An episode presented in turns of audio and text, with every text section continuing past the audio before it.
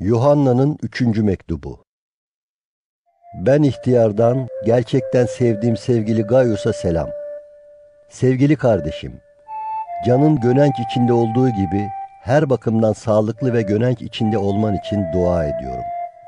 Bazı kardeşler gelip senin gerçeğe bağlı kaldığına, gerçeğin izinden yürüdüğüne tanıklık edince çok sevindim. Benim için çocuklarımın gerçeğin izinden yürüdüklerini duymaktan daha büyük bir sevinç olamaz. Sevgili kardeşim, sana yabancı oldukları halde kardeşler için yaptığın her şeyi içten bir bağlılıkla yapıyorsun. Onlar kilise önünde sevgine tanıklık ettiler. Onları Tanrı'ya yaraşır biçimde yardımlarınla birlikte uğurlarsan iyi edersin. Çünkü inanmayanlardan hiçbir yardım almadan Mesih'in adı uğruna yola çıktılar. Bu nedenle gerçek uğruna emektaşlar olmak için böylelerini desteklemeliyiz. Kiliseye bazı şeyler yazdım. Ama aralarında en üstün olma sevdasında olan Diotrefis bizi kabul etmiyor.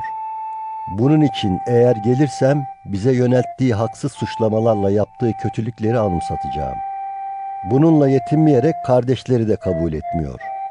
Kabul etmek isteyenlere de engel olup onları kiliseden dışarı atıyor. Sevgili kardeşim, kötüyü değil, iyiyi örnek al. İyilik yapan kişi Tanrı'dandır.